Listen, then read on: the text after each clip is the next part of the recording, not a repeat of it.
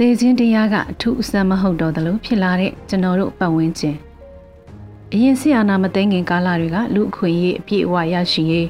မြို့သမီးအခွင့်အရေးလိမ့်စိတ်ခံယူမှုကွဲပြားကြတဲ့ LGBT အခွင့်အရေး digital အခွင့်အရေးအစရှိတဲ့အခွင့်အရေးတွေတိုးမြင့်ရရှိရေးအတွက်နှိုးဆော်ကြတိုက်တွန်းပြောဆိုကြစီယုံကြ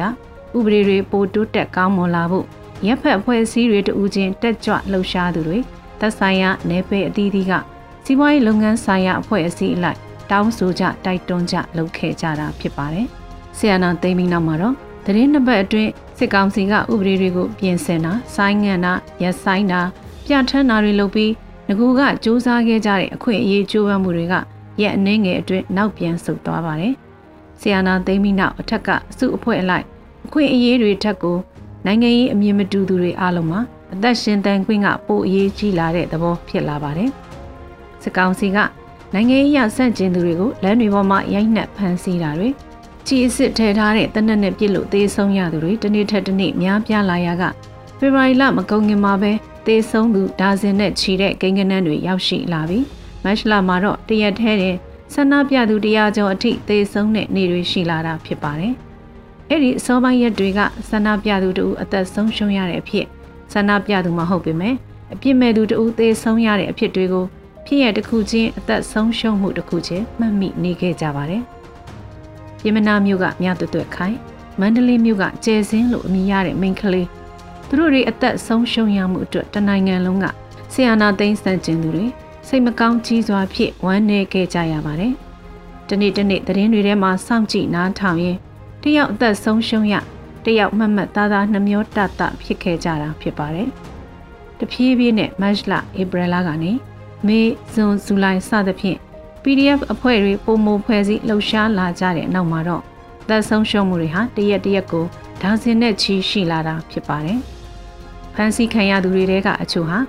ဖန်စင်ကအကောင့်အတိုင်းဖြစ်ပေမဲ့တရက်အတွင်းဘလို့နှိပ်စက်ခံရမှန်းသေချာမသိပဲသက်ဆုံးရှုံးသွားကြရပြီးမိသားစုကအလောင်းပြန်ထုတ်ခွင့်ရသူရှိသလိုထုတ်ခွင့်မရပဲတကြိုတဲ့အချိန်မှာပေါ်ရင်သာကြီးခွင့်ရသူတွေလည်းမရှားကြပါဘူး အဲ့ဒီအဖြစ်အပျက်တွေကိုကြားသိရချိန်လမ်းပေါ်မှာရိုက်နှက်ညှင်းဆဲခေါ်ဆောင်သွားတဲ့ဗီဒီယိုတွေဓာတ်ပုံတွေမြင်တွေ့ရချိန်မှာချီရသူရင်နဲ့မခံမရက်နိုင်တာနာကြီးတာမိသားစုတွေအဖို့ဝမ်းနည်းချေကွဲပေါ်ရခံစားကြရတာဖြစ်ပါတယ်။နေစဉ်လိုလိုလမ်းပေါ်မှာအသက်ဆုံးရှုံးရသူတွေကျွားတွေမှာဝင်စည်းလို့တက်ဖြတ်ခံရသူတွေစစ်ကြောရေးမှာအသက်ဆုံးရှုံးသွားကြရသူတွေအတွက်နာကျင်မှုတွေခံစားမှုတွေဟာ ကြာလာတဲ့နေ့အမျှခံစားချက်မာကျောလာတဲ့သဘောလေးတွေ့ရပါတယ်။တစ်ဖက်မှာလည်း PDF တွေကသတင်းပေးလို့ဆိုသူတွေရက်ကွက်အုပ်ချုပ်ရေးမှုတွေဂျိုင်းမှုတွေကိုလှုပ်ကြံတက်ဖြတ်တဲ့သတင်းတွေတခါတည်းရသတင်းပေးကအမျိုးသမီးဖြစ်နေပြီးလှုပ်ကြံတက်ဖြတ်ခံရတာတွေလည်းသတင်းတွေနဲ့နေ့စဉ်လိုလိုကြားသိနေကြရတာဖြစ်လို့သေခြင်းဆိုတာကိုနေ့စဉ်အဖြစ်အပျက်တစ်ခုတစ်ပွဲမှတ်ယူပြီးရေအတွက်တွေကိုသာရေအတွက်ကြတော့တဲ့အနေအထားမျိုးအထိနှလုံးသားတွေမှာကြောလာကြတာသတိပြုမိပါတယ်။ ဗုဒ္ဓဘာသာကိုးကွယ်သူအများစုနိုင်ငံဖြစ်တဲ့မြန်မာနိုင်ငံနဲ့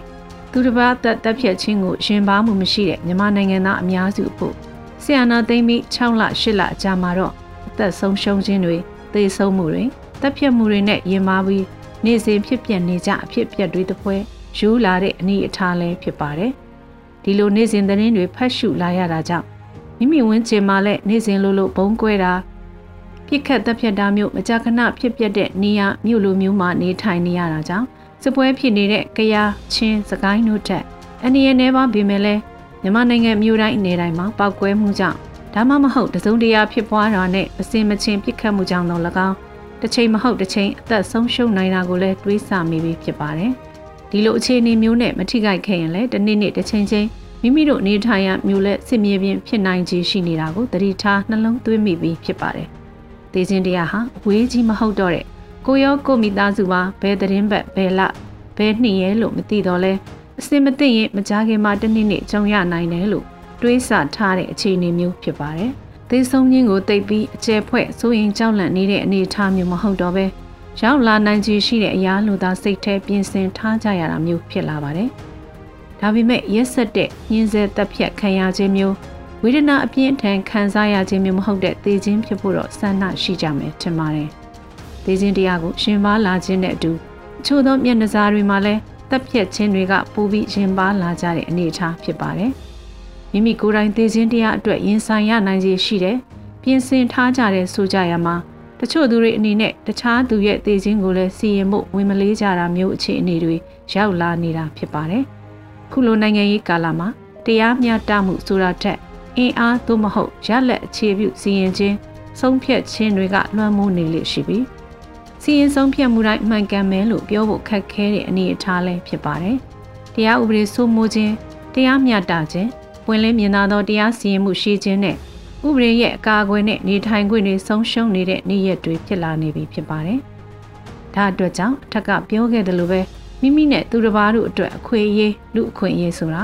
အာမခံချက်မရှိတော့တဲ့အခြေအနေကိုရောက်ရှိနေတယ်လို့ဆိုရပါမယ်။လက်နက်ရှိသူအားကြီးသူအနိုင်ထက်စီရင်နိုင်သူတို့နဲ့၎င်းနောက်လိုက်နောက်ပါတွေလက်ထဲမှာအများပြည်သူတွေရဲ့အသက်အိုးအိမ်စီးစိမ်ရောက်ရှိနေတဲ့သဘောဖြစ်ပါတယ်။သို့ပေမဲ့မြန်မာပြည်ရဲ့မြို့ရွာတော်တော်များများရဲ့လမ်းမထမှာ